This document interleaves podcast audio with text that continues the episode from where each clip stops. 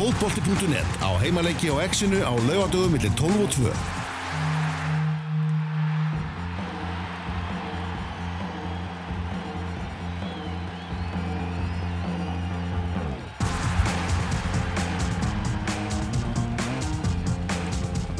Það er komið að ennska ringborðinu. Elvar Geir og Tómas Dór með ykkur út á stættunum fókbólti.net og við erum konum með góðvinni þáttarins hérna inn í stúdíu til okkar, Kristján Alli og, og Tryggvi Pál. Velkomnir strákar.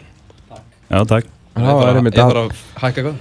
Það er smá veisin sko því að uh, hér eru menn ofta að fá sér gin í tónik og hlusta á Robba Chronic bókstallega, það sem að Chronic er mættur aftur Nei það er ekki hann er á laugadum já, það er hérna jazzþátturinn hérna á förstu dögum sem er alltaf rugglað í mikrofónum okkar á milli þess er súpa svona smá rauðvin sko Já, En hvernig var þessi, þessi hérna þessi lopa lenging hann hjá mér, er þetta komið í lag á tryggvanum eða? Tryggvin? Það er góð spurning Sælvertur, sælvertur. Velkomin strákar, gaman að fá okkur hér í þriðja og næst síðasta fjórðungs uppgjör ennsku úrvalstildarinnar. Uh, við gerum þetta bara fyrir fólkið í, í landinu og vitum að það eru bara tvö lið sem skipta miklu meira máli heldur en öll önnur lið í ennsku úrvalstildinni og raunum veru bara á Íslandi og í heiminum. Chelsea og Tottenham. Það eru Chelsea og Tottenham Það eru Liverpool og Manchester United. Tryggvi Pál Tryggvarsson á rauðdjöflandi.com og Kristján Allir Ragnarsson kopp.is Við eigum eins og alltaf fyrir hlutunum í að tala um þessa erki fjendur og hvernig svona gengið er og hvað við getum mögulega hugsanlega gert í framtíðinni.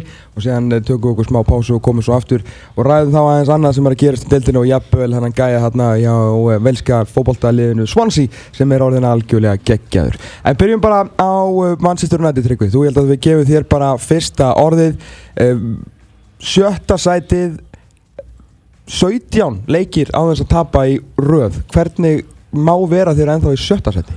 Já, þetta stemmir ekki alveg, þeir eru svolítið að spóla hann í, í sama farinu og það er alveg einstaklega pyrrandi og náttúrulega sem skýrir þetta er náttúrulega bara þessi ömurlegu jafntefli sem liðin hafa gerið, mm Mhm. gert á tímbilinu það er, er ekki orðin tíu talsins held ég, það er á sjö á heimavelli og hérna eh, flest er á móti svona liðum sem eru júnandi þetta vinna bara. hvern einsta dag eins og bara um, um, um síðustu helgi það er mjög pyrrandi en, en eh, 17 leikir á þetta er og mörguleiti finnst manni lið hafa spilað ágætlega sko í flestum þessum leikjum og gert miklu miklu meira nóg til þess að vinna þessa leiki Mhm. en það er bara einhver meinloka þetta fyrir fram með markið þú klárar ekki 90 mínútur með Manchester United svona á síðustu já, ég frá oktober raun og verið. þetta var svona frekar svona púður skot framan á tímbili en ég, meina, ég get ímyndað mér að frá oktober hafur ekki gengið svona ósáttu með spilamennskunin mitt eins og segir svona frá, fráleik Nei, ég hugsa spilamennskan sjálf alveg eh, gildi eða virði svona kannski 10-12 stiga allavega í viðbót við það sem við í rauninni eru með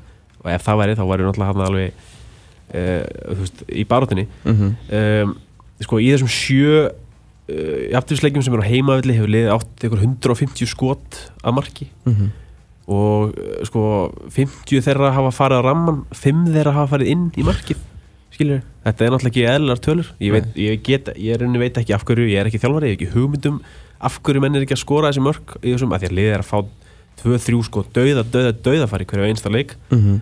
og það er kannski auðveld og hérna, þægilegt að afsaka þetta sem einhver svona óhefni sko, en, en þegar þetta gerir svona oft þá er kannski eitthvað eitthva, eitthva dýbra hérna á, á bakvið hvað það er ég er svo sem hef ekki svörun, kannski eru menn bara ekki að æfa sóknarleikin nú vel. Nei. á æfingum, hver veit. Liverpool Kristján Alli, þetta er svona búið að vera já, mun líkara kannski Liverpool upp á, á síkast eins og við þekkt og kannski undanferðin ár með að við eh, velgengnina og, og, og happiness sem var í gangi í fyrra árum og það sem að liðin alltaf helst tapaði ekki, ekki leik.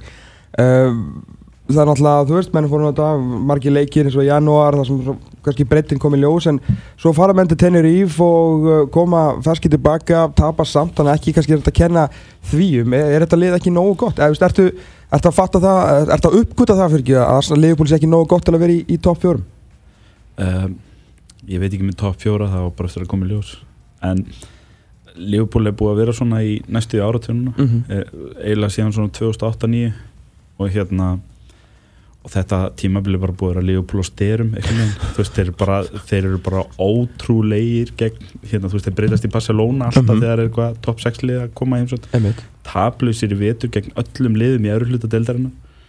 Jú, ekki En- bara tablisir og spilað ógeðslega vel. það bara, þú veist, þú bara getur sett húsið á það, bara hérna Liverpool mæta til leiks ef að móterinn er top 6 það er kannski, og Klopp hefur ekki ennþá hérna tapað tapað deildaleik gegn liði sem að er fyrir en deildin held ég. Mm -hmm. nema kannski, hérna, ég man ekki hvort að United voru fyrir ofan, það er eini tapleikunum gegn svona top 6 í janúari fyrra. Mhm. og hérna uh, og, en svo þú veist koma þessi nerlu þetta segir mann það og, og það eru allar aðra afsækanir farnar eftir að þú fætti spánar og ert í frí í tvær vikur og lætur svo lestir taka í bólinu. Þá eru allar aðra afsækanir farnar nema það er að þegar að, að því við vitum alveg þetta er það sem að enski boltin snýstum, þú ert með lið hvort sem heitir Tottenham eða Chelsea eða United eða eitthvað sem að er betra en flest liðin í dildinni Mhm. þannig að það eru toppleikinir þú þátt að mæta svona á ákveðin hátt til leiks í þá leiki og, og hérna vera tilbúin svona til í að þú veist úttaktikera hinn geggjaða stjóran og, og vera með þína stjórnuleikminn betri en hína stjórnuleikminn á deginum mannslið en svo þarfstu bara að fara til Burnley og Swansea og Southampton og Sunderland og eitthvað að fara í fæting Mhm. Og Liverpool er rosalega góður og með geggjaðan þjálfara í að úthugsa hina og yfirpressa það og annað. Allir sem reyna að spila fótboltamóti Liverpool í vetur, þeir bara tapa. Mhm. en Liverpool er ekki tilbúin í fætingin. Og það eru, þú veist, við erum á sjönda mánuð eða eitthvað á tímbilinu og það er bara verða ljóst. Liverpool er ekki tilbúin í fætingin, þessi lið sem að mæta bara með doppeldekker rútuna og segja komdu bara, við bara kýlum í andlitið eða komið nálægt markin okkar. Þá er Liverpool ekki til í slæðin þannig að þú veist, ég var ekki einu svona stressaður fyrir Arsenal um síðustelgi þetta var bara, þetta var bara, já, séður, ég er bara að fara Liverpool séður, þetta var alveg ángrín sko. Við vorum ekki einu svona að grínast með þetta bara ég var ekkert stressaður, pældi ekkert í leiknum fyrir en kortir fyrir, já, ok, þetta er byrjunni ok, spesbyrjunni, vinnum samt en ég er kannski ekki alveg sáttu við lið, Mhm. svo náttúrulega bara unnum við samt. En það er börnlega morgun og ég sef ekki. Ég, ég er svo stressaður. Ég fyrir maður líka svona að pæla í hérna, þessar, þessar hlaupatölur, ég meina þú veist, við verðum að rýna í, í, í tölur endalaust, en það sín okkur alltaf mjög augljóslega, þar eru svo sko afgerandi að lið getur ekki hlaupið svona þessa, þennan klopp gegenpressan bolta svona í útfæslunum sem hann er þetta lengi, sérstaklega þegar að koma átta leiki í, janúar allt það. Já. Uh, þú veist, um hefði það hann mátt kannski eitthvað hugsa þetta aðeins sjálfur þú veist að með við leiki álæði menn þetta er allt annað í, í búndislíkunni það sem þú veist, það er, veist, það er vetrafrí sem er langt og allt þetta skilur við, var hann að klikka okkur leiti að vera ekki með eitthvað, eitthvað annað Sko ég var alveg, ég var alveg sáttum með leikmannakaupin síðast sumar. Mhm. Mér finnst að flest hafa verið góð og það, verið eins og bara komið á daginn að það var ekki gert nóg. Nei. Og svo var ekkert gert í janúar þegar allir sáu í hvað stemdi mm -hmm. Og það er búið að vera svona smá meðslabrás á liðinu, það fleiri menn verið mittir á Liverpool til dæmis heldur en hjá, hjá Tottenham eða Chelsea í vetur. Og, og, og, við höfum bara ekki breytina. Og, og þú veist þegar Klopp segir í september-oktober að hann sé mjög ánægð með hópin og þetta sé á hópu sem er klári slægin en svo notar hann helst ekki ótilneittur nema 14-15 leikmenni í þessum hópi, þá Mhm. er hann bara annarkvort að ljúa eða þá að skoðun hans hefur breyst alveg drastíkt mikið síðan í oktober Mhm. það er annað af tvennu sem kemur til greina og hvort sem það er þá myndi ég ætla að hann lagfæri það í sumar sko. því að það er alveg ljóst að, að ef að liðið er ekki Európa-keppni í vetur og á samt í vandræðum um leið og lendir í einu mánuði þessum í blessaði janúarmánuði þar sem kom ykkur pressa á liðið að spila tvisværi viku alla mánuðin ef, ef þeir ráð ekki við það án þess að vera í Európa-keppni hvernig óskopunum ætla það að gera það þá næsta ári ef þeir eru í mistardeild eða Európa-deild uh, án þess að bæta við sig þú veist, tíu leikmennum í sumar eða eitthvað þannig að það er náttúrulega bara það sem er komið í ljós að þú veist, maður sér alltaf eftir tímabil svona skýrast línur hverjir henda klopp og hverjir ekki, hverjir henda hjá múrinu og hverjir ekki, hverjir líklegi til að hverja braut í sumar og annað slíkt og þá þarf náttúrulega að koma já störri tver þá þarf að koma maður inn í staðin og slíkt en það þarf líka auka breytina við. Og það er kannski það sem að er svona flóknasta staðin á Liverpool í dag því að Liverpool er ekki með eh, fjármagn í að bæði kaupa þú veist fjóra-fimm heimsklassa menn og 6-7 aukaspilara Nei. þannig að það verður einhvern veginn að velja á milli annarkvort verður menn að kaupa þrjá geggjaða í byrjunarlið og sækja sér tvo, þrjá Ragnar Klavan og reyna að vona það að dugi næsta ötur sem að ég held að mun ekki gera ef að liðir í örbu eða þá að menn verða að segja heyrðu við höfum bara gefna á því að vera eldast við eitthvað lagasett eða eitthvað núna og við ætlum bara að taka hérna 7-8 gauðra sem geta hjálpa breytinni og treysta á þetta saman byrjunlega næsta ári. Stjórinn hjá, talandum stjóra alltaf að segja Tryggvi, Hósi Mourinho, ert ekki er hann ekki að gera bara fullt af, af, af góðum hlutum, er þetta ekki bara veist, eins svona, það byrjaði ekkert eitthvað frábælega allan, þú veist, og svona menn kannski var hann búin að missa og og ég er ekki endla bara að tala um úrslitin. Þú veist, það er komin ákveðin þú veist, ég veit að það er búin að vera mörg játtiflu á en það er ákveðin fyrrfaktur svona komin áttur hann er aðeins að endurveikjast og kannski sérstaklega gegnum Slatan sem hefur gert mikið en meina hann Slatan kemur út á Mourinho, það verður ekki að gefa hann kredit fyrir það. Og síðan bara svona það sem hann að gera svona inn á við þannig að svona aðeins að vekja félagið aftur er er ekki á einhverjum réttum nótum þetta? Jú, ég vil að lesa nokkuð niður rétt sko og, svona það er efasendir sem maður hafði um Mourinho þegar hann mætti á svæðið fyrst sko út af þessu Chelsea tímbili og, síðast tímbili það eru svona hægt og bítandi að hverfa sérstaklega eftir að liðið vann deildabikar á svona ótrúlega seglu kjendan hátt sko einhvern veginn sem hann haldið að síðustu 2-3 hefði árið hefði einhvern veginn ekki tekist kannski að Mhm. að- svona að þeir liðið var náttúrulega bara umulegt í þeim leik, það verður bara að segja þess að það er en, en úsleikun snýst ekkit um hversu vel þú spila snýst bara um að vinna. Um, Jújú, hann er að gera fullt af góðum hlutum og maður sér bara honum líður vel, honum var leið held ég var ekkert vel hjá Chelsea undir að síðasta og hérna hann er að Eða, ég veit það svona ekki, ég lesum það, ég er kannski ekki með beina línu en hérna og jú, það er svona fullt af litlum hlutum og, og hérna hann gefið leikmannum frelsi inn á vellinum líka utanvallar, þetta er ekki svona rosalega einhvern veginn eftir föstum reglum eins og var hjá Louis van Gaal. En samt alveg með ákveðnum reglum hann tekið mjög fast á ákveðnum hlutum eins og í með bara þessa leikmann þrjá sem hefur mikið talað um í veitur, það Martial, Mkhitaryan og, og Luke Shaw og ég hugsa að erfiðasta verkefni stjóra í dag sé að halda mönnum bara hreinlega á tánu út með eitthvað multimiljónir að hana og bara reyna að mótivera í það að gera eitthvað meira en bara ná þessu fjórðarsæti skilur að mótivera til þess að ná að vinna og halda þeim á tánum og hérna, það er held ég það sem er svo erfitt fyrir stjóri í dag og mér sýnist að vera að gera það allavega í tilvíki þess að þryggja ansi vel, mikið tæri hann búin að koma frábælega inn. Martial uh, og svona alltaf að vera betur og betri og nú er maður að vona að þetta takist með, með Luxjó þannig að það er kannski að sendi þau skilja á leikmenn komast ekki upp með neitt múður sem kannski eins og var hjá Mois menn voru fann að baktala hann bara þú veist, í oktober sko. Louis van Gaal var algjörlega búin að missa allt hérna, allt sitt traust en með, þú veist, eins og með Ferguson menn þorðið ekkert í hann. Ég hugsa að leikmennin þor ekkert í, í Mourinho. Paul Pogba uh, minna, er ekki eins og, þau segi í kanalandi bara jury still out ég meina ertu, ertu sáttu við þetta? Er, ég veist að veita að þetta grafi pinn á þessa tölfræði um að hann sko með að fullta færum og veist, hann er alveg góður í að setja raskati ykkur að gæja í börnlegi og fara að lappa fram hjá þeim sko en ég meina hefur hann mætti leiks í ykkur leik sem að veist, skiptir ykkur virkilegu máli á hinga til eða? eiginlega ekki sko, ég meina Jamie Redknapp sagði að þetta væri 90 miljón vandamál, ég veit ekki alveg hvað það séu svo mörg. Það svolítið fært í stílinn en góð setning það hérna, uh, neða, var að Frank Lavard uh, sko, hann alltaf kostar þessa 90 miljonir punta og þú veist, hvaða leikminn hafa verið að kosta 90 miljonir punta, það eru framherjar sem verið að skora 30-40 mörg, mm Mhm. að, því, að því leitinu til er samur, erum menn kannski búast við Nei, ég, ég bara, þú veist, við tökum bara mörgjum frá að því að hann Já. er í grunninn miðjum sem er ekki eins og það mörg, þeir eru bara hvað, fjögur og, og þrjá stóðsningar en, en bara, þú veist, bara pjúra dominans á miðju og taka leik yfir og hafa ekki einu sinni bara gegn topp fjórum, sko, ég hef bara gegn, þú veist, Everton og Vestbrom og ykkur liðum ég bara júrnættir í vandræðum takt yfir leikin, Hef, hefur hann- séð það í, á tímul eiginlega ekki, ekki nema bara á móti þessum uh, litlu liðum sko, kannski á móti Middlesborough helst, þú veist, þar sem hann kom og reddaði sér restina. Uh, hann er stundum fannst manni svolítið í svona seri A-gýr hann, að hann hafi bara fær boltan og hafi einhverjum 3-4-5 sekúndur til þess að ákveða hvað hann ætlar að gera, það er ekki þannig ennsku boltinu þú leiður fær boltan, þá þarf þú að vera búin að ákveða hvernig þú ætlar að koma frá þér, hvað þú ætlar að gera við hann. Mhm. og mann finnst það stundum vera svona að dansa svo svakalega línu að vera að fara að gera eitthvað fárálega svakalega geggjað eða klúðra einhverju rosalega sko. Mhm. það er ekkert annað milli hjá hann og maður svona, jú, maður auglýsir alveg eftir þessum Pól Pogba sem hann held að myndi fá. En hann er náttúrulega bara 23 ára.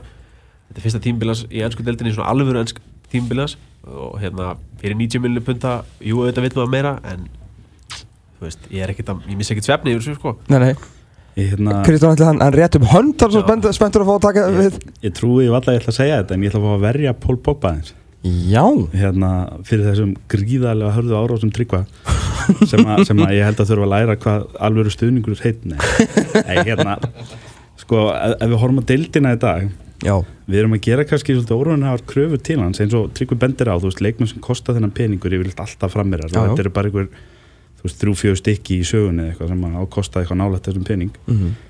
Og miðjumenn í dag þetta eru alltaf skeppnur heldur en það voru. Við erum búin að þróast einhvern veginn frá þessum tíma þar sem við vorum alltaf að býða eftir eitthvað Patrik Vera, Roy Keane, Steven Gerrard Gauður, þú veist, myndi gera allt og skora markið af 40 metrum sem að bjarga liðin úr klípu og, og þetta gerist miklu sjaldnar. Og, þetta er orðið svo taktíst eitthvað að hérna, það er bara, þegar þú horfir yfir deildinni, ég held að það sé engin miðjumæður í deildinni sem að uh, þú veist, er eitthvað svona Roy of the Rovers og, og tekur þetta yfir og, og bjargar málunum sko. ég veit ekki einu svona hvernig sko ungur Steven Gerrard eða ungur Roy Keane myndi spjara sendili í, í deildin í dag hvort þeir eru því að dominant og þeir voru fyrir þessum 10-15 árum að hérna þannig að leggjum veist, peningin sem að droppa kost, nei, sem Poppa segi kostaði til hliðar Mhm. og fröyti hann slip hann að hérna leggjum þann pening til hliðar og segjum bara þú veist hann er miðjumæður á miðju sem er orðin greiðlega þétt hjá Mourinho hjá Mhm. liði sem tapar ekki leikjum hann getur bætt hluti, hann getur skora fleiri mörg, hann getur poppað með fleiri stóðsendingar og Mhm. hann getur finnst mér verið betri í stórleikinum hann náða svolítið til að týnast í þeim í vetur. En af svona fyrsta tímabili hjá manni sem að þú veist United borgaði hennan pening líka bara til að fá hann heim skilur, og, og fá þessa ímynd og þeirra, þetta celebrity sem að fylgir honum og allt það, en þeir voru fyrst og fremst bara, við lítið á það þannig að hann hafi verið að sækja sér franskan landslýsmann á miðuna, Mourinho Mhm. þá held ég að við getum ekkert eitthvað ég meina hann er alveg klárlega í allt örum geðaflokk heldur um Musa Sissoko hjá Tottenham eða, eða hvað er heita skilju það er ekkert margir miðjum en þannig í deildinni sem eru betri en Pól Pogba. En við setjum hann kannski alltaf fimm sætum neðar á einhvern svo lista af því að hann er ekki að standa undir þessu 90 miljóna takki sko.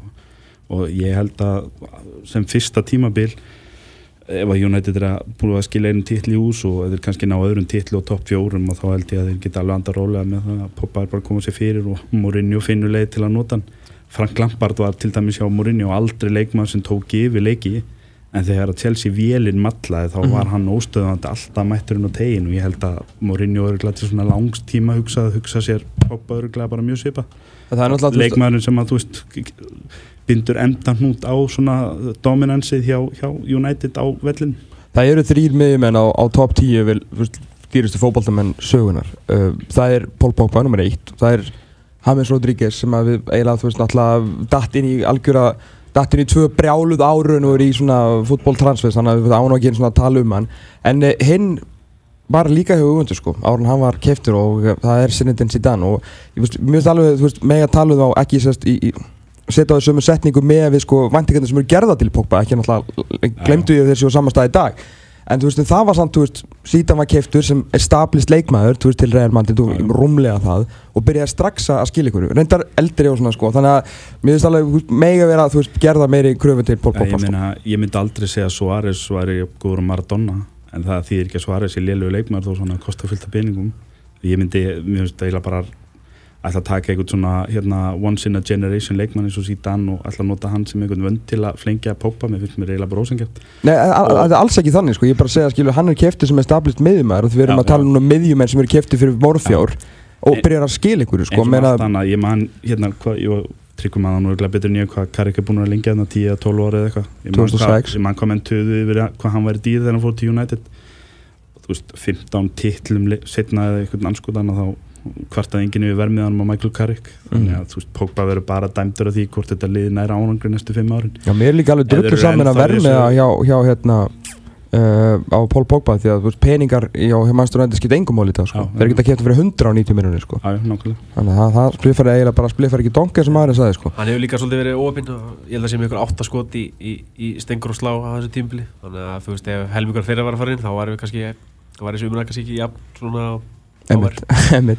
Þú, þú er búin að geta mig í mörg ár núna fyrir að tala svona um Leopold. Ég hlust ekki á svona afsækjandi það er bara annað skora menn eða ekki tryggvi uh, Förum aðeins aftur í, í Liverpool, Kristjánandi Hvað er hérna, hver, hver er sumarið aðeins? Það var náttúrulega ekkert gert í uh, leikmannamálum í, hérna, í janúar. Uh, Hvað þarf að gera í sumar? Hvað, þú veist Já, ef, ef þú myndir á það, hvað, hvað viltu? Viltu, að þú, að þú komast aðeins inn á þetta menn langar aðeins að fá meira frá þér um þetta.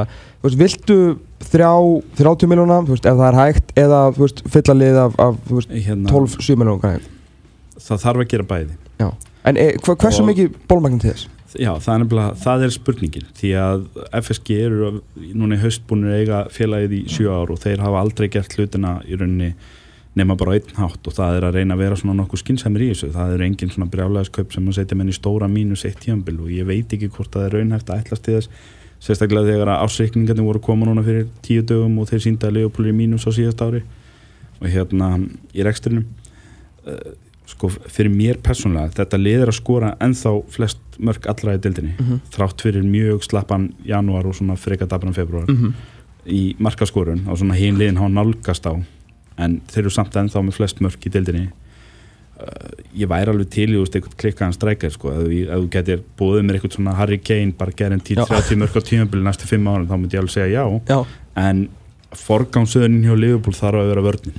Og hvort sem að það þarf að vera varnatengilur, það þarf að vera tveir til þrýr geggjaðir varnamenn og jafnvel markmaður. Ég klopp sagði nú í gæra að hann væri ekki að líta markmann hann væri bara að horfa minnilu og Karius í ykkur baráttu til Já. lengur tíma ok, gott að blessa það en, en ef hann hefur trú á því en að mínum að þá þarf meira í vörnina það gengur ekki að bara um leið og Dejan Lovren sé frá og þá sé menn farnir að setja Lukas Leiva í vörnina og veist og, og þessi lestirleikur til dæmis þar voru menn að mæta og erfiðan útvöld með tvo miðjumenn í vörninni. Mhm. það er bara fallingun á leik, leikmannakaupin þegar að menn gera svoleiðis. Og hérna og James Miller var hann 31 ást og svo hann sé búin að vera góður í vinstri bakgrunum í vetur þá var það ekki langtíma löst þannig að þú veist, ég myndi vilja sjá menn setja alvöru penning og ef, ef þú myndir segja við mér ár, ok, við ætlum að eða fullt af penningum Mhm. í sumar, en þau fara öll í eitthvað svona, við ætlum að reyna að finna okkar Engolo Kante eða Viktor Vanjama á, á varnantengiliðin Mhm. og svo ætlum við bara að lappa upp á vörn, við ætlum að kaupa tvo, þrjá menn í vörnina, bara vörn sem við getum treyst þegar að lið er að sækja framalega á vellinum. Mhm.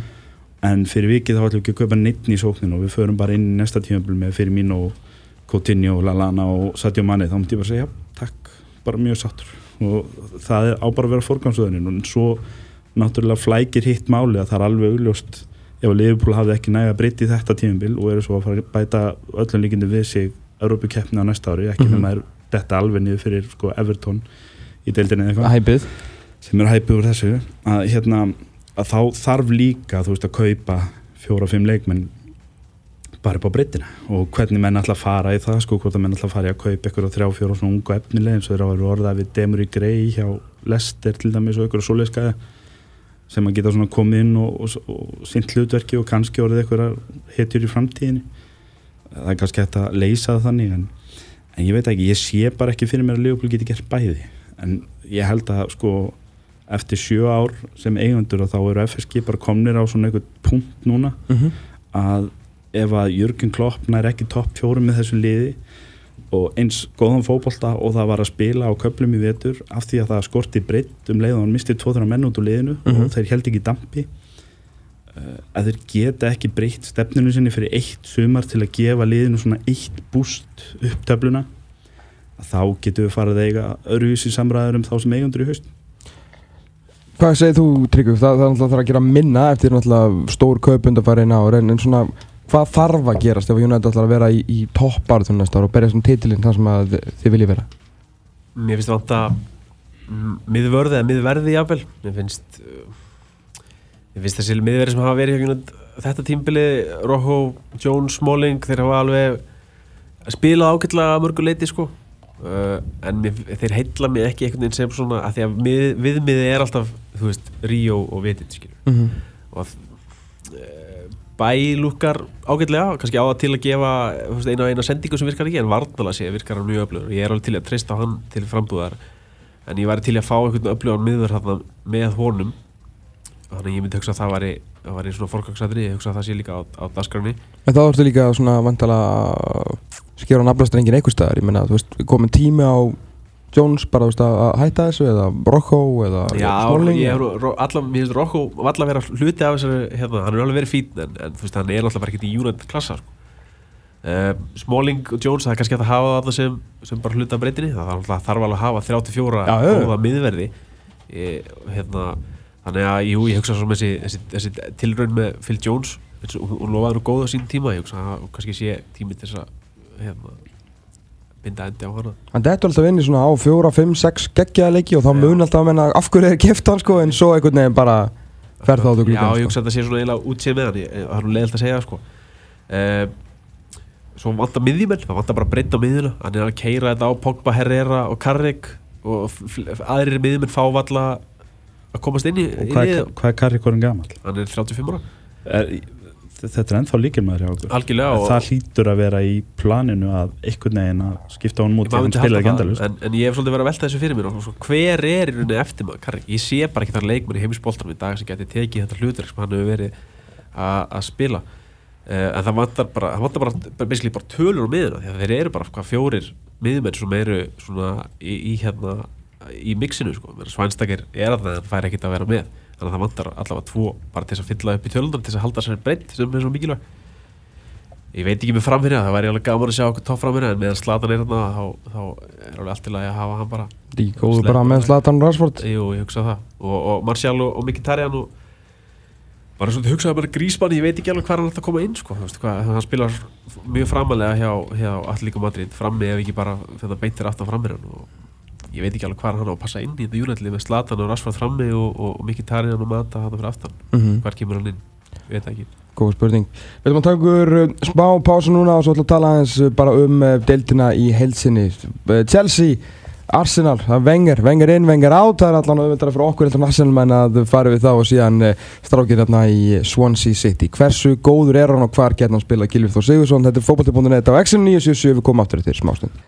Fókbalti.net með ykkur á lögadegi, Tómas Þór og Elvar Geir hjá okkur sitja, Tryggvi Pál Tryggvason á Rauðudjöflandir.is og Kristján Allir Ragnarsson á Kopp.is vorum að tala um uh, þeirra lið og liðin uh, sem að fólki hér elskar og hatar Liverpool og Manchester United. Er alltaf að fara í en svona heldar umræðu um ennsku úrvalstitina í setni hlutanum áruna strákandir ofinbera að setja fjórðungsuppgjör, þriðja fjórðungsuppgjörið. Og við þurfum bara að byrja á frakkanum í úrpunni á Emirates vellinum, Arsene Wenger Hann er endanlega búinn að drepa uh, Arsenal, stóð í uh, uh, ótrúleiri leiki á umfjöldun Sönn.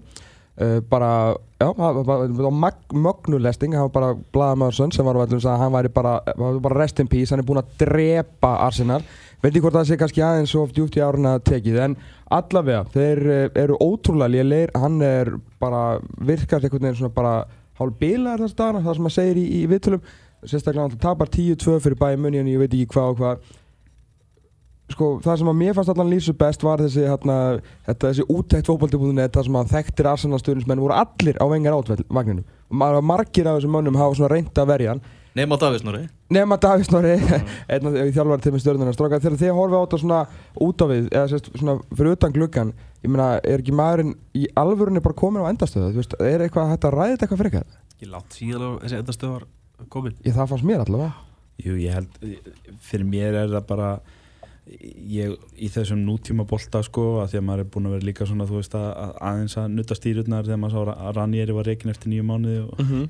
en nýju mánuðum eftir titil og annað, það, það náttúrulega verið kannski að gefa Arsenal rós bara fyrir að hafa gefið honum alla þennan tíma og stuttan og, og, þú veist, og bara klapp fyrir það og baki fyrir það Arsenal menn en, en þetta er hann ekki bara búin að vera svona tveimur árum og lengi með liðið, hann átti bara þegar hann vann setni byggarinn hérna fyrir tveimur vorum þá átti hann bara að hætta. Hann, hann framlengdi þá einu svona enn samningin og, og freistaði þess að ná eitthvað þegar þú veist, liðið er búið að vera að gera sama. Þetta er sama tímabilið bara 11 ár núna í rauð hjá Arsenal, það er bara þeir, þú veist líta ógeðslega vel út fram á jólum. Mm -hmm. svo kemur hérna vengir tímabilið inn og janúar, februar og þeir rinja svona niður og detta út úr öllum keppnum og svo spýtar alltaf í lófana þeir eru dett út úr mistardeldin og tryggja sér topp fjóra. Og ég, ég er ekkert reyðbúin að fara eitthvað að lýsa því yfir þeir ná ekki topp fjórum í ár. Því þeir voru jú að tapja gegn bæinn og þá er bara eitt eftir hjá þeim og, og jú þeir eru ennþá í þessum FA byggar en, en ég myndi alveg, þú veist, ég er ekki til að ef að Arsenal tækju aftur fjóra þriðið annars sætið í þessari deild. En það er bara ég held að það skipti engur því sem komið er hjá Arsenal stundismunum, þeir eru bara búin að sjá þessa sábúpuru einu sinni of oft. Þetta er Mhm. sínt á hverju vori og þá eru menn bara hættir að nenna þessu. Og, og það sem hann sagði núna blaðmann að fundi fyrir helgina fannst mér vera ákveðin líkill að hann sagði ég held að hann hafi bara reynilega verið að reyna að vera dipló og segja þú veist auðvitað hefur það eitthvað áhrif en það það er ekki svona stærsti faktorin í því þegar ég ákveða hvort ég verð áfram eða ekki hérna skoðanir stuðnismanna en auðvitað hefur það eitthvað áhrif ég held að hann hafi bara verið að opna dittnar á eitthvað ljótt hjá Arsenal fram á voru þar eða þeir voga sér ekki bara að rökkva í gang núna og vera konur upp fyrir tóttinam eftir mánuði dildinu þá verður þetta ljótt vor Mhm. þú veist, menn voru mótmæla fyrir bæinleikin fyrir Mhm. utan völlin Einmitt. þannig að þetta verður bara erfitt og, og ég held að Arsenal sé að sigla inn í einhverja svaðalega sábópuru sem yngi verður stoltur af eftir tvo mánuði en ég held að stundismenn séu bara konur á þann vagna það þurfa bara að gera það sem þarf að gera þó svo það sé ljótt og leðilegt til þess að losna við hann og ég held að vilji bara engin tengdur Arsenal vera á þeim stað. En stuðnismennir náttúrulega hafa afskaplega lítil völdi í þessu og, og hérna sérstaklega með þeir halda alltaf áfram að mæla á völlin sem þeir gera, völlin er alltaf fullur. Mhm. já, já. um, Eftir sem að heyrir þá er tveggjóla samningur á borðinu fyrir hann. Og stjórnin, akkurat er stjórnin eitthvað óvanum með. Hann skilur alltaf uh, því sem þarf peningalega sér skilur það er bara þessi titla sem, sem er ekki að koma. Þetta kannski snýst um samingi að hann getur sagt ef hann lítið baka og sagt verið stoltur á síðustu 12-13 árum. En ég meina þeir eru alltaf að haldra í mark eins og segir, þeir eru ekkit alltaf í þetta væri alltaf öðru sig ef að væri kannski að tapa dildinni kannski næst síðasta leik, Mhm. síðasta leik það er ekki að gerast og hann hefur alltaf bara setið eftir sem þjálfari, því muni hvernig hann komið inn á sín tíma, bara algjör stormsveipur bara breytti bara knaspinninni Já, já. á Englandi, þau gjör svolítið allt það var eitthvað svona kraftabolti, núna þurfti allt í menn að fara að kunna að spila fótbolta, Mhm. og það er bara Arsene Wenger að þakka og en það sem til dæmis Ferguson gerði það, því menn ber alltaf saman þessa tvo leikmenn, en hann náði alltaf að þróast og aðlegast að þeim sem komu inn en Wenger, eftir að hérna, Mourinho kom og breytti öllu, eins og Wenger gerði á sín tíma, mm -hmm. að öðru leita vissulega en, en hann breytti öllu, Ferguson náði að aðlegast því og breytti United og, hérna, og vann okkur titla, Wenger hefur bara gjössalega setið eftir. Þú veist, til dæmis ef við bara lítum á Ferguson. Ferguson var rosa dulur í að skipta um aðstofminn það var alltaf komið nýtt heimi á 34 ára fresti.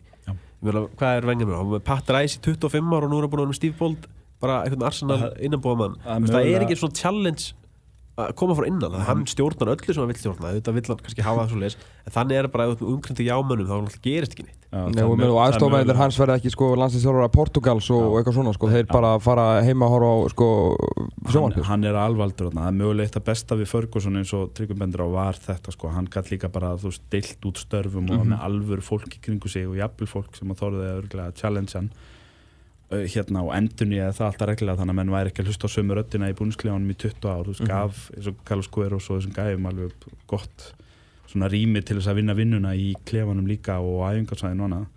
Ég heyri sögu í vikunni ég er búin að hlusta á tvö Arsenal podcast eftir tapi gegn Leopold, smá, smá þorðaglið í mér en samt líka mjög svona hérna, góð insýn í, í hvað er í gangi á klúnum og einsagan er alveg, þú veist, dagsönn og það var hérna það eru nokkur ár síðan að var eitthvað sem að benda á sko að það væri fínt hérna uh, það var, man ekki nákvæmlega það var eitthvað svona utanakomandi sem kom og bendi á að það væri fínt kannski að fá flóðljós á æfingarsvæði hjá krökkunum. Í, sem sagt, hérna svona neðist í akademíunu, Já. yngstu krakkarnir í akademíunu hjá Arsenal. Og hann sagði þetta svona við hérna vallastjóran á, á æfingarsvæðin hjá Arsenal og hérna hvort þessi maður var að koma þetta til að skrifa grein um akademíun eða eitthvað líka. Og svo líða svona tveir til dagur og hann er ennþá að vinna að, að, og er ekki farin sér frá Arsenal. Mann ekki hvað heitir Colny eða eitthvað þau Mhm. og hérna og svona tveimur, þreimur dögum setna þá hittir hann vallastjórun aftur. Og vallastjórun segi við hann herru, hérna, þetta var rætt versen vengir og hann var sammálaðir þetta, þannig að flóðljum sem verið að setja upp fyrir krakkana. Já, og hann sagði bara, þú veist, hann sagði ekki að hafa ætlað að trúa svarinu, bara tekur Assen Wenger ákförðun um það hvort að það eru flóðljós á æfingarsæðinu hjá nýjára krökkunum? Og hann bara, já, hann tekur allar ákvarðanir. Það er bara, ég fer ekki á það var bara, það var bara gefið skinn, ég fer ekki á klósettinu maður sem Wenger gefi, gefi hérna leifi fyrir því, þannig að þú veist, hann er með puttana í öllu hjá Arsenal og það er bara ekki holdt og það er alls þess vegna ekki. sem að menn, þú veist, menn vilja losna við það núna en eru samt alveg lofandir hættir hvað gerist þegar hann fer því að þetta verður sko allavega eins og öll umræðum Arsenal er ef það verður einhvern tíman höfulegs her eftir að stjórum fer þá verður það þeirra vengir hættir því að það virðist enginn verið að byrja að plana neitt lífið eftir hann. Og hins aðeins ég heyrði í, í öðrum þætti vikunum var blaðmaður sem að hjælt því fram og það er náttúrulega bara blaðmaður að tala við utum það strákar. að Þeir ljúa bara. Ég er með þrjá blaðamenn hérna í, í húsinu með mér. Að þeir, þeir eru náttúrulega að búlsýta á til hann, sko. hann held í fram að Wenger væri þegar búin að samþykja tveggja, tveggja ára framlenginguna.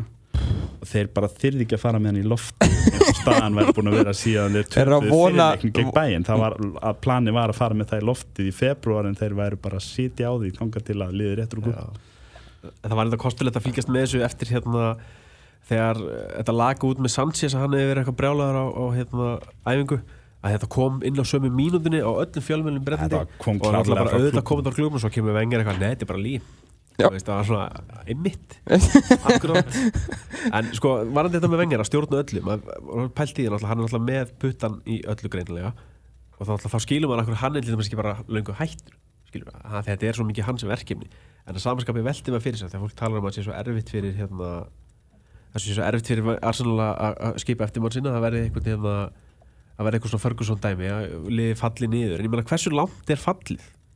Það er, þeir eru ekkert að falla úr einhverju titlasæti, þeir eru að falla það- bara í en það er það sem að maður spyr sig. Hvað, þú veist, United voru mistarar Ferguson hætti og þá allt hennu voru þeir ekki mistardelt árið eftir. Og, og mögulega svona það versta sem að Ferguson gerði á sínum sinni kvartöld þarna var að, að hvernig það var höndlað skilur þegar hann hætti. Að hann fekk bara svona nánast að handvelli eftir mannin og, og þetta fór einhvern veginn ekki virðist hafa farið inn eitt ferli. Ef að það samar upp á tinnum hjá Arsenal sem eru kannski í fymta sæti þegar það gerist eða fjórða sæti og hafa valla unni nokkuð til að tala um síðan 90 og, nei, 2004-2005 eitthvað líka Og- og þú veist, hvað, hvað er fallið þá? Er, er Arsenal að fara að eiga þá, þú veist, tíundasæti í tvö, næstu tvö árin eða eitthvað, þú veist, ef að menn hugi ekki að þessu og skipulegja þetta almenna? Ég held ekki, ég held að fallið sé stittra en til að ég held að það sé, það er miklu erfiðar að búa til lið sem er titlalið og þegar þú fær svo eitthvað vittlýsing þarna inn eins og Mois gera á sín tíma þá einhvern veginn hrýnur allt og allir vera breglar og nennir ekki neitt sko. en svo farðu vengar, hann hættir og farið eitthvað góðan stjóra inn og markmiðið er þá bara að ná sama sæti og hérna fjórasæti sem er umtalast auðveldara en að ná hérna meistar, nei, að vinna og ég hugsa, ég, að, ég hugsa sko að ef þetta er rétt gert menn horfa aðeins á United og plana þetta örlítið, bara örlítið ekki bara, heyrðu þessi guður, hann er flottur, tökum hann eins og United virðist hafa gert þá heil ég að Arsenal sé bara þú veist það, þetta fall eh, eitthvað svona í líkum United, það sé bara eh, enga veginn að fara að gerast. Sko, ég, ég held þegar við, við horfum aðeins tilbaka þessi þrjú, fjögur ár síðan að þeir náðu enninu fjóruð sætinu, þú veist, í- hvort það var á og ég held dramatískan hátt ég man, við rættum þetta henni á, á hérna, ég held að það myndi verið ykkur fyrir fjórum árum síðan þegar að eh, þeir náðu fjóruð sætinu og kampavinuðu sig í gangin í klefa Jájá. og þú manst eftir þessar ljósmynd sem komin á klefa Þá, þá fættist þessi hugmyndum vengar byggarinn. Wenger bikarinn. Þeir, þeir tóku bara vembli fögnu á Já, ég, ég segi það sko þegar við horfum tilbaka þú veist, bara eins og allir eðvald skilur þarna var það sem þeir lærið átt að læra mest þarna held ég að endanlega hafi fæðst þessi ævintýralegi lúsera háttur í Arsenal eins og það er búið að vera undanfann ár. Já. að við, við, við hlóum að þessu létt þá svona æ, þú veist, Arsene Wenger, þú veist, N1 fjóraðsæti skilur og við gerum grína þessu. Já. en ég held að við höfum bara ekki tekið þessu nóg alvarlega og ég, við skil alveg að menn hafa ekki tekið þessu nóg alvarlega þá. Þetta var bara bandir á þeim tíma. En þegar við horfum tilbaka þá var þetta bara upphafið að endinum hjá Arsene Wenger. Ég, ég held að við getum alveg, já, mér langar alltaf að taka það djúpt í árna með þessa einu ljósmynd sko. Og, og pælinguna bakvið þetta, þetta fögnu sko. Þetta er náttúrulega bara, þú veist, í rauninni þó svo við viljum svona hérna romantísera þetta, þetta er fyrirtæki og þetta er, þú veist, það þarf að skipulegja þetta og þú veist, fyrirtæki fer ekki til sumafrí og sko, eins og allir með sögurnar sem ég þekki frá Leopold þegar þeir voru dominirandi á, á nýjunda áratugnum þar var bara, þar var bara eðlilegt skilur að, að menn unnu titilinn og fóru inn í klefa með hann og kampavinnu sér í gang á í en, en þjálfararnir voru ekki á, á, á þeim fögnu, þeir fóru kannski út að borðum kvöldið en þeir áttu fund strax eftir leik þó svo að verið verið að fagna titlinu því að það þurfti að ræða hverja átt að fara að reyna að kaupa strax í vikun eftir, eftir að tímbilinu lög og þú veist að bara vinnan hætti ekkert. Og hérna og, og sagan segir að þegar að Daglíf síðan kom aftur og vann Dildabíkarinn 2012 með Liverpool sem að er síðasti byggar sem Liverpool vann það er honum fimm ár síðan að hérna að þá unnið og, og þá vildu sko komið eigendurnir og Damien Comolli og allir niður í yðratnar hjá á Wembley og allir vildu láta mynda sem með Luis Suárez og Steven Gerrard og byggarnum og eitthvað svona sko og Douglas var bara ekkert sáttu við þetta, hann var tímabilið ekkert búið. Og hann vildi ekki leifa mönnum að fara mikið út að, djamma því að það var leikur í miðurvíku og eftir og, og annars líkt og það og hann var ekki alveg sáttu við attitúti hjá þú veist eigendunum og yfirmönnum hjá Leopold á þeim tíma. Og ég held að þetta sé kannski ég get alveg lofa þér því að þú veist eh, ef að, ef að United myndi ná óvænt í lokaumferðin í vor fjórðasætinu í þessum í þessari deild að þá væri Mourinho ekki að fara að leifa þess konar fagnalæti sem við sáum hjá Arsenal. Og höfum síðan allt og oft hjá Arsenal síðust alls Sáðu bara til dæmis eftir dildabögurinn, það virkaði bara er ég neitt meina, vinnan er bara við ekkert þessu. búin Nei, skilur. ég- Þa, ég það, bara- Mourinho er bara það vanur vinnir að hann veit það bara vinnan er ekkert búin þó svo klári dollu í februar og svo hvað er búið að gerast eftir uh, þennan uh, þetta Invincible stæmi þú veist það eru það eru verið 13 ár síðan núna hann er búin að vinna ennska byggar einhvað þrís og sinnum eða eitthvað síðan þá og, og allt gott og blessa og raun og veru tvo núna í, já þessast tvo að síðustu þremur í keppni sem er nú svona þú veist aðeins farin að missa marks á, á Englandi. Þú veist þetta er nú ekki alveg að að var því miður uh, meistaradildin, ég meina þú veist 19 ári röði í meistaradildin veist og það er ógeðslega vel gert þeim, og þú er þeim ofta gengur illa að vinna riðlana sína Já, þessum er þeir en- alltaf að detta út í 16 úrslun þeir en- alltaf að fá bæinn þar. Já, þú, þú veist, þú hérna, það tekið mjög góða nokkur sem ræðum það hvað þetta er vel gert hjá að komast í gegnum sagt, byggingun á vellinu með að halda þeim í, í, hérna, í Champions League og, og halda peningaflæðinu gangandi og þú veist, meina, auðvitað verður sem aðra að fá stitta sér og, og rúmlega það. Já. en meistaraldar árangunni sé þá, ok, eftir Invincibles þá fara þær í úrslutaleikin, það er eini úrslutaleikin og svo sjálfsög tapar hann, þannig að hann tapar öllum úrslutaleikin sem er fyrir í Európu síðan er þetta hvað áttalega úrslit uh, og, og núna þú veist 7 ári röð eða 6 eða 7 ári röð 16 hann er með, hann er með tvær ferðir í, í undanúrslutin hefist alla leið í annan skipti og vinnur ekki. Og svo tapar hann innan, innan Englands baráttu gegn, eh, gegn Manchester United þannig að þú veist síðan er hann að matla hérna í þriðja, fjóraða, öðru sæti. En, en hvað, hvað er þessi síðustu 13 ári Arsenal í raun og veru? Hvað hafa þau verið þegar horfum og tilbaka rólega að lækka þröskuldina. Er það þetta er annað í gangi. Frá því að þetta lið var eina lið sem gætt kefti Manchester United Einmitt. í Englandi í það að og það lið sem að sko. telur það gott og kampaðinsvert að vinna ná fjórasettinu mm. Þetta er búið að geta svo mörg ár og það er aldrei búið að grípa inn í. Við svo bara það að einhver að við þórað að segja við hann skilur nú þarf það að fara að hrista upp í þessum hlutum. En þá kemur náttúrulega að fá við þessa sögu frá og frá Kristján alltaf móti að, að, að það þórið enginn sko. Svo var svona, talaðu um að lúsera hátt sko, þú veist, ef þú horfur yfir leikmannahóp Arsenal, hvaða leikmaður er eitthvað að fara að gefa allt sitt inn á vellinum og berjast einhvern veginn svona Roy Keane stæl það er bara einn og Það er hann bara er að fara það yfir um í hverjum leik. Við sjáum það á hverjum lögadegi hann er bara að flippa. Og það er basically Hver? verið að Alex Sanchez, hann er bara ekki að það er hann er bara að ekki að nenni hann bara ég trú ekki að ég sé í svona lið. Og það segir allt sem segir þar um Arsenal að það er basically verið að hreki hann úr félagin já, við verið að leka einhverjum að hann hafi verið brjálar á vellinum og hann er náttúrulega bara að fara. Hann er eini leikmann á vellinum. gangi ykkur vel með það eins og að lægist alltaf þið losni við Alexis Sanchez. Flott hjá okkur Glæsilegt plan. lýsandi fyrir Arsenal ég, veist bara að, að þessi maður sem er búin að eins og tryggja, þú veist það er svo margt sem að það er að segja gott um hann, við getum tekið sko anna, aðra 20 myndir að segja hvað hann er búin að gera góða hluti fyrir, fyrir ennska fókbalta, bara við erum búin að koma inn á bæði með eins og þú segir, hann á bara að fá stitta sig hann fyrir jú. en hann er bara nánast að fara langt með að eðilegja það fyrir sjálf það er nefnilega svo leiðinlegt. Það er það sem er svo leðilegt hann, ef hann hefði hætt með byggarinn 2015 búin Já. að vinna hann tvö ári röð liðið alltaf í mistardeild Sanchez og Özil komið til klúbsins Emmitt og þeir áttu sjens þá á þú veist að fá hérna Klopp eða Ancelotti eða, Mhm. eða Allegri eða Conte eða eitthvað skilur eitthvað flotta stjóra sem voru á lausu þá. En er ekkert endilega margir á lausu núna. Nei. Að það, þú veist, það hefði bara hann hefði, þú veist, náð rétt úr sér svona tveir byggarir í lokin og bara því líka ás, en þessi síðust tvö ár síðan þá, þetta er bara, þú veist, mennur fann að mótmæla fyrir utan völlin spáði í Pæliði Þetta er, þetta er rosalegt. Herru, við tókum einhver rosalega langa tíma með engar en það er hann líka að tvent sem langar að fara í, eða eitt ánum förum í aðeins í gilva Manchester City uh, þriðasætur, tíu stegum á eftir uh, topplið Chelsea eins og flestir allir aðra í þessu baráttu. Uh, Pep Guardiola hefur hann ekki fengið að uh, meða við að þetta sé Pep Guardiola og þetta sé Manchester City með allari penninga hefur hann ekki verið svakalega eitthvað pressulaus á, á tímbilinu er hann ekki að sigla alveg furðulega mikið undir ratarinn með þetta lið með hverju er og hverju þeir eru? Við má segja það, sérstaklega kannski með að bera saman með Mourinho og hvernig svona það því þeir fóru svolítið að hyggsta á, Mm. á svipum tíma og einhvern veginn allir hittin fóru á Mourinho meðan hann var svona bara ég meina þetta er bara Jésús almáttuður mættur að þjálfa í, pening, í peningi í liði með endalins af peninga og hann er, hann er ekki nálagt tillinum sko. það var svona einhvern veginn og kannski verður ekkert úr þessu því að hann virðist að nokkurn veginn búin að rétta úr kútum sko, að liðið er að spila ágættisbolta og Mhm. Nei, kannski ekki svona tilli en er allavega fer langt í hérna, þetta er svona þú veist svo var hann stónskaupur alltaf bara djók Já. markvarða skiptin skilur hann klikkar þú veist. Hann er klálega bara ennþá að taka svolítið til leikmannóknum, ég meina Aguero hefur geinu sinni verið alltaf í náðunni hjá honum. Hann Nei. er svona klálega svolítið að læra á þetta leik, ég held sko að með Guardiola að þá muni annað sumar en hann segja okkur miklu meira heldur en fyrsta sumarið í kaupunum með ég í kaupunum og hvaða stefnu hann ætla með þetta lið og hvað hann gerir, hvað hann leiðrættir mm. kemur ekkert óvart ef hann leiðrætti Claudio Bravo mistökin, hann, hann bara hendar greinilega ekki enska nei. var að fítja á Barcelona en, en á ekki derindi enska. Og hérna það verður bara mjög áhört að sjá. Ég býst bara við öðrum stórum glugga hjá City í sumar og eins og Tryggur segir, það er svolítið hættulegt hvað hann er búin að vera pressulegs. Hann er náttúrulega uh, ríkjandi stjóri mánaðarins og hann náttúrulega leikinu sína í februar jú, jú. Og þeir eru að réttu kútnum og við erum náttúrulega kannski koma að sinna þá eftir að það náttúrulega var bara eitt lið sem eiðilaði þessa títilbaráttu í ár með því að vera allt og góðir.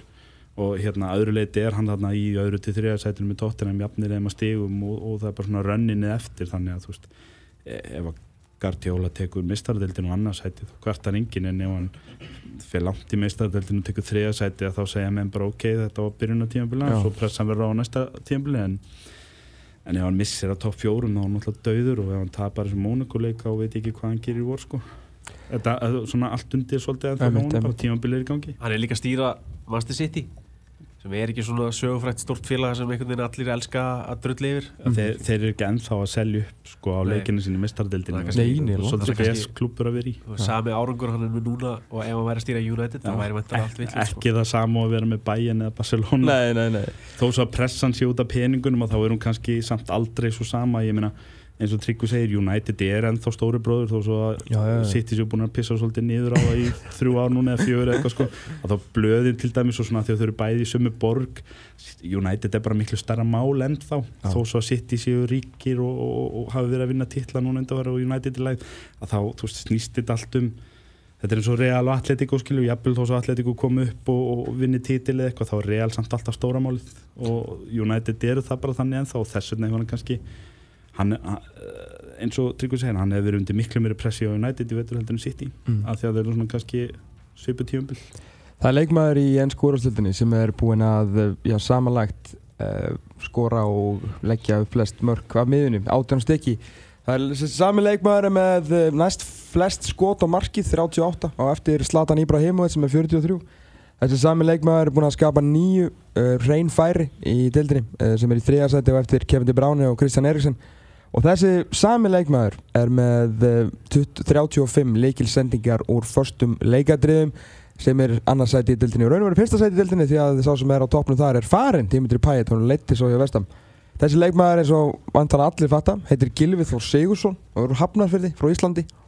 Uh, stolt okkar í uh, heimsfóboltanum í dag.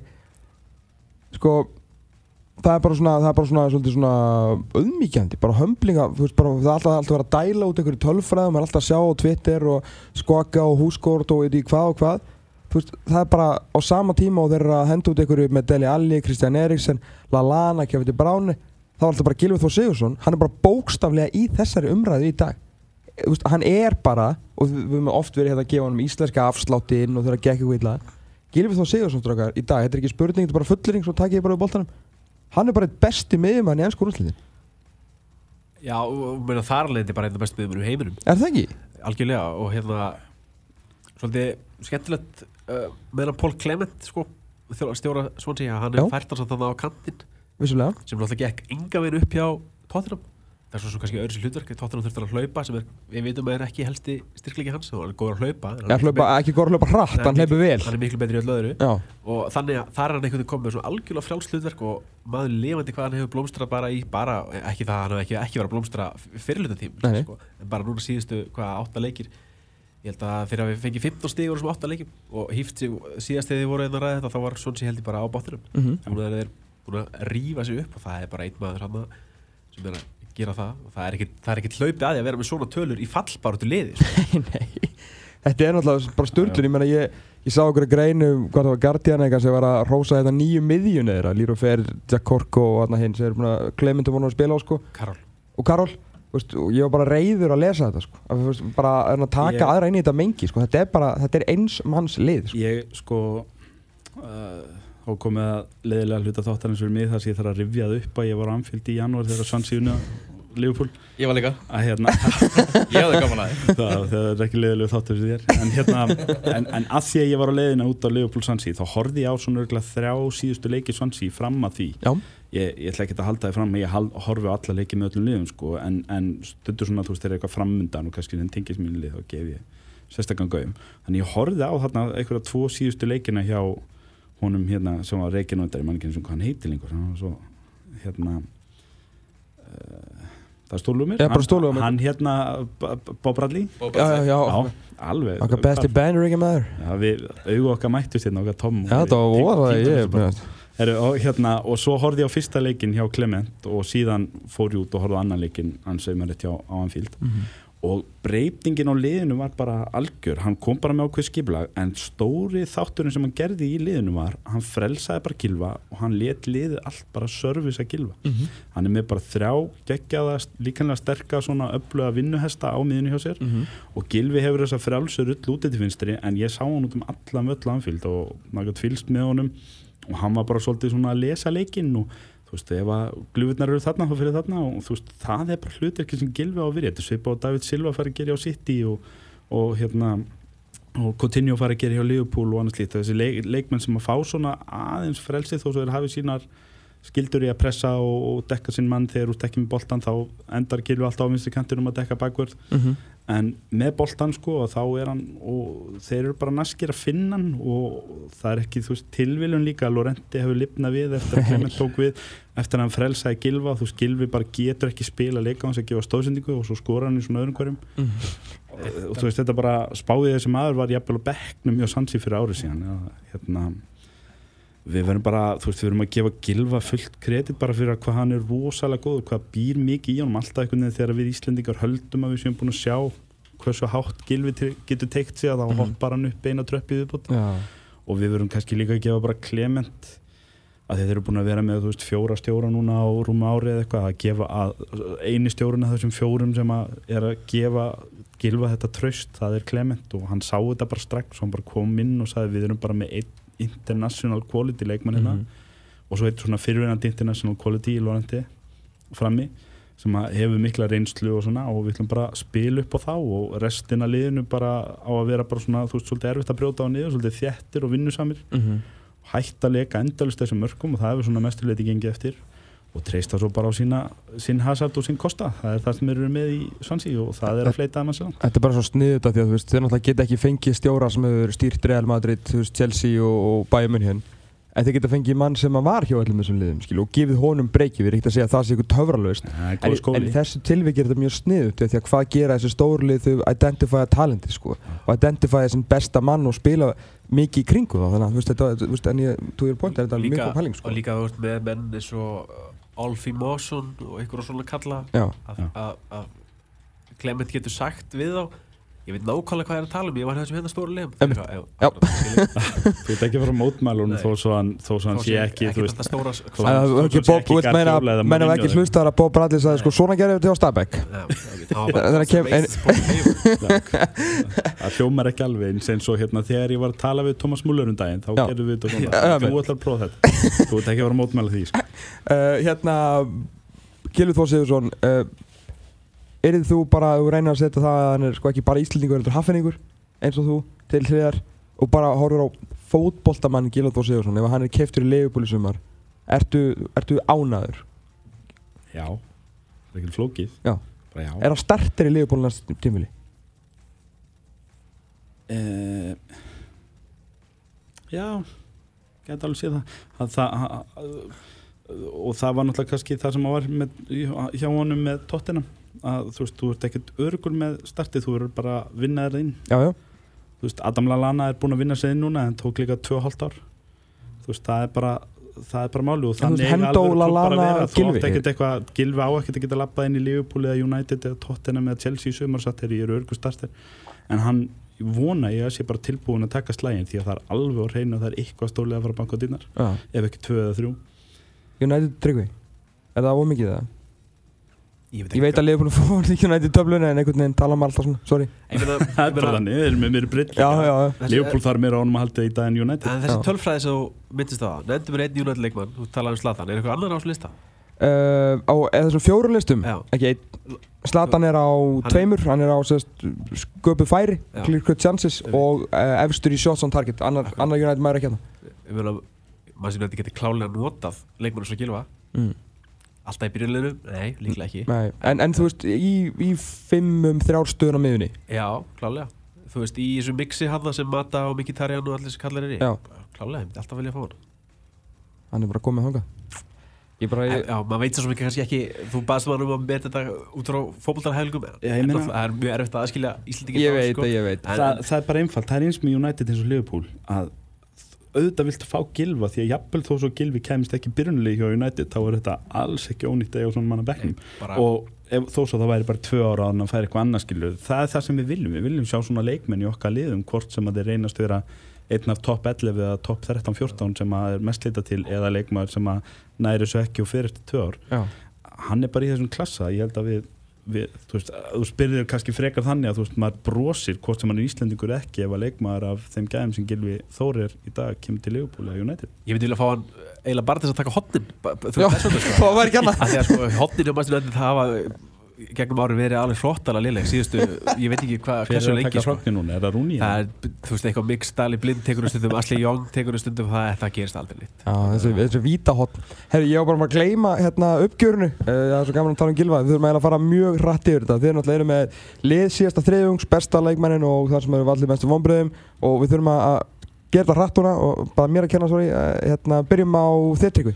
Það er yfir þetta allt saman eða? Já, komdu bara með það á- Besti á- leikmaður, Gilvi, okkar maður. Já, vel Já, gert. Við við erum talað um síðast sí- Nefnir einn leikmaður sem verður betri. Ég hef kannski takkið slatan að það bara heldur góður en ég er í fílu að hann eftir bornumþleikin Ok, Gilvi Þór besti síðasta fjóringi sem eru svona síðust 8-9 umfyrir Já, ég hendi Pogba í mestu vonbreiðin bara, við, þetta var svo góð umræðin og, ég myndi kannski endur skoða eftir hana Eftir að Liverpool maður er samfæraði þú? Hvað þú með þinn besta áfambriði? Æ, ég get nefnt eitt leikmann sem er búin að vera betri en Gilvi þú veist, það bara vannrækslega starfi hjá, hjá, hjá en ég meina svona er blaðamennskan hjá Tryggva, hún er alltaf svona. Það er Harry Kane, ég meina þetta er ekkert flókið. Langt besti leikmann í sér deilt frá áramótum og hérna eins góður að Gilvi verið og gæti ekki nefnt neitt annan. Nei. ég sagði bara vombriði titilbaráttan. Ég vil bara púa á Chelsea hér nú, þeir eru bara búin að eðilegja þetta. Því ef að Chelsea væri búin að vera eðlilegri vetur þá væru við með veist United er í sjötta sæti núna.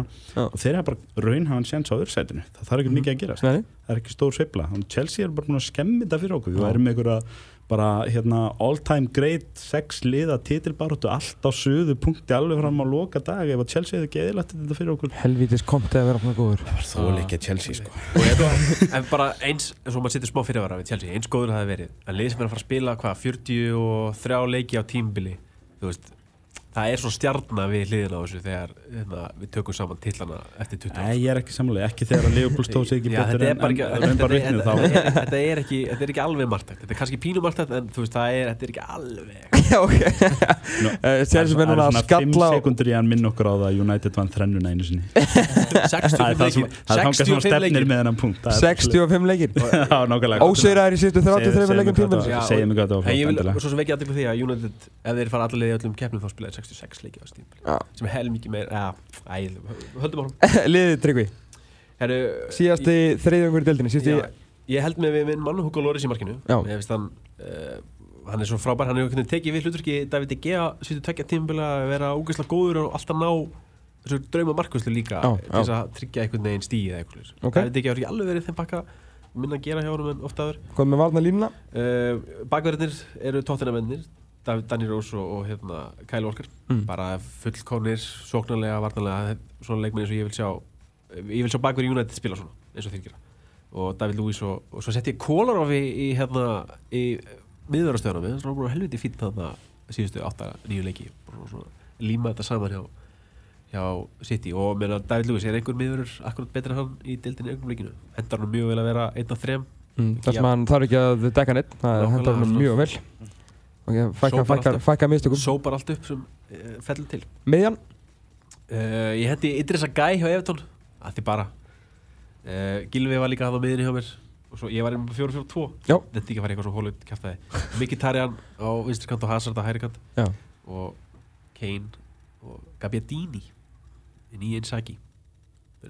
Nýji Pippo Hvað séð þú Kristján Alli, hvernig er liðið þitt? Já, hérna, Það er að byrja að drulla þessu drauga nei, alls ekki ekki þetta sinn. Ok. Yfirleitt samt. Nei, hérna, ég fór í þrjá fjóra þrjá núna. Já. Ákvæða taktískur. Og verið ekkert eitthvað að týna til. Ég er búin að vera vandræða með bakverðastöðunar Já. ég deil ekki sömu aðdáun og tryggvi á Kyle Walker. Ég, og ég er bara greinilega í minni hluta þar. Ég skil ekki sem gammal hæri bakur hvað fólk sér við hann, hann er fítn en hann er ekki svona góður. Ok. Ég fór í uh, Hugo Lloris er í mínu marki. Hann er svo eini sem er búin að vera þá í öllum mínum liðum þessa þrjá fjólunga það sem að ver Er ekki líka er meina- eini Hann er samnefnir í þessu liði. Það er búin og, að og sér sko, ég tók þrjá varnamenn, ég skipti vörninu minn út núna og ég tók þrjá varnamenn og ég gerði það mjög taktíst af því að það eru þrjú lið sem eru búin að fá afgerandi fæst mörk á sig í deildinni.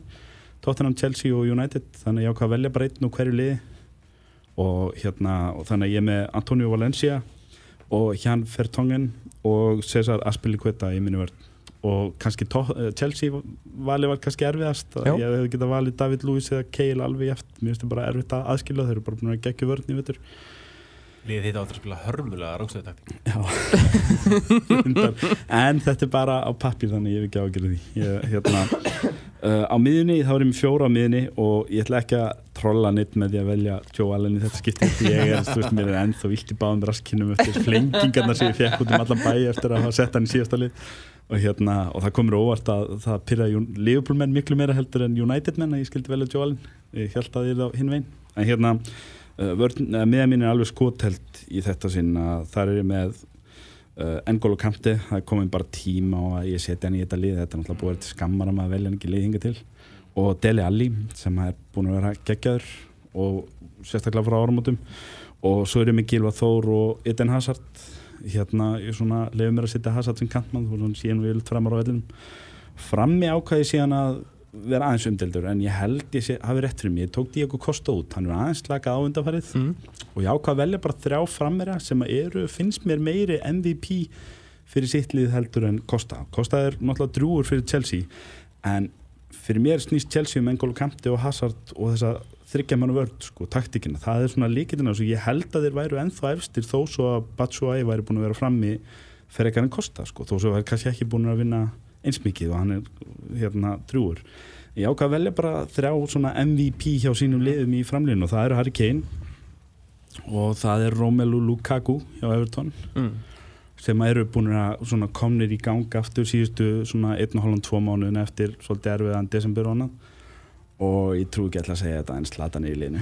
Þú setur slatan í lið, það eru stóru frétt þetta. Já, Slatan er náttúrulega bara, þú veist, án hans þá veit ég ekki hver United væru í vittur þeir, hérna, kemur undir óvart að Tryggvi skuli setja mikið tarjan í lið. En hérna, ég bara vissi ekki að hann væri búin að vera svona mikið metin í United frá áramótum, hann væri búin að það er góður en, en fyrir mér þá, þú veist Slatan er að bera þetta lið uppi og, og hérna, hann er bara þú veist, hann verður að vera hann ég verður að vera samkvæmum sjálfum mér. Þetta eru ríkalega fréttir fyrir United menn. Þetta er svo að þegar þú Þú áttir ekki að fatta hvað ég er að gera Þegar þú þetta, sko. hlóst í Slatan hérna Já, fyrir árunu þá fór hann á eitthvað svakalasta raun sem sést hefur. Hann heyrði í mér, sko. Skoraði yfir því hvað, 12, 13, 14 mörg Þú ert búin að drepa þetta tímabil. Zlatan er geggjaður og það er engin sjans að hann fóri ekki tíu í viðbót frá móri, ég er að segja ykkur að hér og nú. Tryggvi. Það er mjög gott fyrir þig. Það jinxi sko. Já, það er, ég held að við endum þetta alltaf á uh, loka orðum uh, Kristjánsson uh, Slatan, ég held að það sé bara, bara Já, ég er bara benda á rétt í lokinni, ég valdi ekki eitt liðupólmann í, liðið mitt því að hérna, þeir með bara geta þessum út í frís fyrir þannig janúar og februar mánu Þetta er alveg svo við fáum, við fáum með svona sérfræði elementið en síðan líka er hjarta í svo menn eru pyrraður út í sinni menn og jafnvel ánægða með að söfa Svo takk hjá fyrir komuna, búin að vera gaman að fá okkur þetta er ansi drúgt uppgjöfgjör okkur mm. þessu sinni og þið ættir að koma einu sinni enn og þá gerum við upp síðasta fjóruginu rauninni deildina líka Tryggur Pótt og Kristján Alli Takk hjá fyrir komuna, okkar alltaf gaman að fá okkur Elva Geir, hvað er staðan uh, í fótbollalegnum? Heyrðu, Manchester City var að skora annað fótboltamark bara fyrir mínútu síðan Þeir með giska, hver skoraði það? Uh, Gilvi Þór? Fyrir, fyrir Nei, það var Sergio Aguero. Já ok, já, það var annarkort Já, David Silva og Aguero með mörkin 68 mínútur á klukkunni þar